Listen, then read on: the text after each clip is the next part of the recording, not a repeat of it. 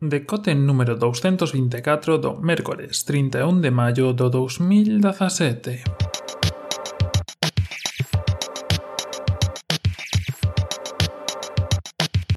Bos días e benvidos a este novo decote, de novo en hora, de novo no seu sitio, e esta vez para falar do Essential Phone. Supoño, quizá, pode ser, seguramente non coñezades este teléfono, aínda que onte a última hora pois saíron bastantes novas, xa que foi a presentación, a, a iso das 7, hora española, 6, entre 6 e 9, hora americana, se si non me equivoco. E, bueno, foi a presentación deste novo teléfono, que era un teléfono, pois, como son decir os ingleses anticipado, que se levaba esperando bastante tempo e, bueno, pois hoxe vamos a falar un pouco de por que se estaba esperando, que ten de especial, que son as cousas que tanto se agardaban deste teléfono. Primeiro de todo, Essential Phone é o primeiro teléfono desta compañía que é Essential e ten moita relevancia a compañía porque é unha compañía fundada por Andy Rubin. Quizá non o coñezades, pero Andy Rubin é unha das persoas que fundou, que fixo a base, que fixo os cimentos de Android. En concreto estuvo traballando en Google como xefe de programación e, bueno, de arquitectura e todo relacionado con Android ata 2014, cando deixa a compañía para centrarse nesta nova etapa con Essential Phone. Desde entonces, pues sabíase que estaba traballando en algo, en algo interesante, en algo que podía, bueno, como tantas cousas intentar romper o, o molde do que é Android, do que é o mercado, das cousas que se presentan, eh, pois chegou o día. Fai uns meses, se non me equivoco, un pequeno teaser del mostrando o teléfono, unha pantalla e todo eso, e hoxe, onte, a primeira hora, tivemos xa todos os datos, xa se soupo porque abriron a web e de ver sacou un artigo e de todo de como iba o seu móvil, e así que hoxe vamos a falar un pouco deste. Deste móvil como que tantos outros que chega para intentar romper o mercado, para intentar facer as cousas novas e que evidentemente pois pues, vai ter eh, de fronte pois pues, grandes competidores que xa están moito máis asentados. Non podo evitar pensar, cando penso nestos móviles, nestas propostas que chegan para romper o mercado, pois sempre se me ven a cabeza o OnePlus, sabe deste móvil que tamén iba a romper o mercado sendo máis barato, sendo asequible, que bueno, está aí, vende ben, xa sabes que tuvo problemas co tema de invitación, pero bueno, aí está. Esencial, e estos móviles que saen así, como grandes apostas, sobre todo cando teñen pois a xente detrás como Andy Rubin e, similares, pois sempre dá a sensación ou queda un coa co sensación de que, de que vai ser un pouco así. O primeiro, con Essential Phone, que como se chama, tal cual, e o que máis chama a atención é a pantalla. É un dos primeiros móviles que aposta por casi ter a totalidade da pantalla, o sea, casi a totalidade do frontal como pantalla, cunha sección moi pequena. Unha pequena franxa na parte inferior e un pequeno, non sei como chamalo, península central onde vai a cámara na parte, na parte superior. Chama bastante atención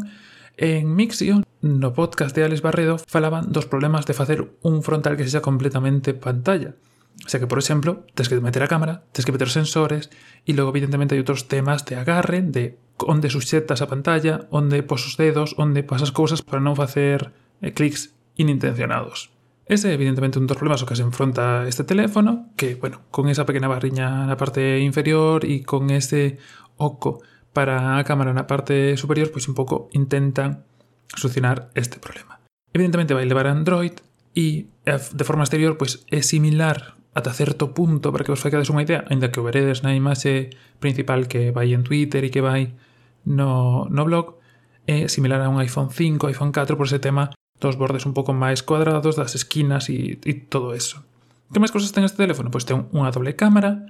que neste caso non funciona para hacer para facer un efecto bokeh ou tele de telelens de de obxectivo teleférico, sino que sempre para como fan outros, outros teléfonos como Sonor e similares que para branco e negro e que permite sacar imaxes de, de noite con mellor intensidade. Na parte posterior pois tamén está o lector de huellas e van dous, como chamalo, enganches magnéticos onde se poden meter pois accesorios como por exemplo unha cámara de 360 grados que sae co teléfono de partida. Outros datos que vos poden interesar, bueno, de principio vais a ir só en Estados Unidos a un prezo só do teléfono de 699 dólares o teléfono máis a cámara de 360 son 849, se non me equivoco. Dentro temos un procesador Qualcomm 835, 4 GB de RAM e 128 GB de almacenamento. Non é algo que destaque precisamente por, por todas as características, pero ao final é unha nova aposta. Respecto ás cámaras, pois temos a traseira, como os digo, de branco e negro e outra de 13 megapíxeles, e unha frontal de 8 megapíxeles capaz de gravar vídeo en 4K igual que a posterior. Ademais deso, pois evidentemente está por ver exactamente como encaixa, está por ver exactamente como cae todo isto dentro do mercado. Eu como os digo, o tema con estos teléfonos é que ao final a xente pois ten unhas propostas que son as que está agardando todo o tempo. O próximo 5 de xuño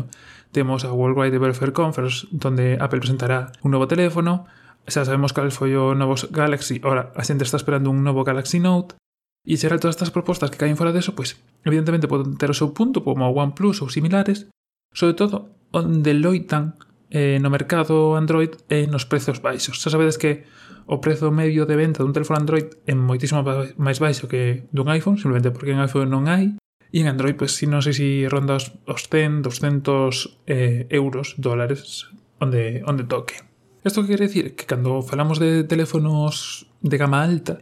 de 800 euros, de 700 euros como é este caso, en que se un modelo único e xa se o tope de gama, pois xa se están enfrontando contra Samsung e teléfonos similares. E evidentemente pois é unha loita moito máis complexa porque eh, non está loitando onde se está vendendo a maior parte dos teléfonos. Xa sabedes que hai grandes operadoras, que hai grandes, bueno, grandes fabricantes como Huawei, como bueno, todos estos que veñen de China, que están levando unha boa parte do mercado polos seus precios e pola súa competitividade máis que por mostrar un novo deseño pois realmente rompedor. E creo que aí é un pouco onde, onde vai fallar este Essential Phone. Pero bueno, hai que darlle tempo ao tempo, ver exactamente como cae, eu pola miña parte, pois, é bonito, está ben, pero non creo que vaya a romper o mercado ni nada parecido. Creo que o que sí,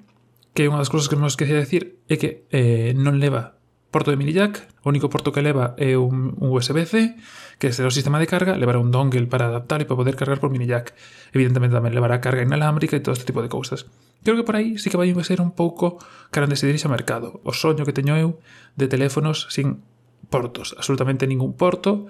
ou carga inalámbrica, ou escoitar mediante Bluetooth ou o sistema de escoita que toque. E creo que por aí sí que é un pouco por onde vai estar o futuro. De teléfonos completamente sellados, sumersibles, que carga inalámbrica, pago inalámbrico, escutar música de forma inalámbrica e ao final pois que haya un sistema de carga máis ou menos universal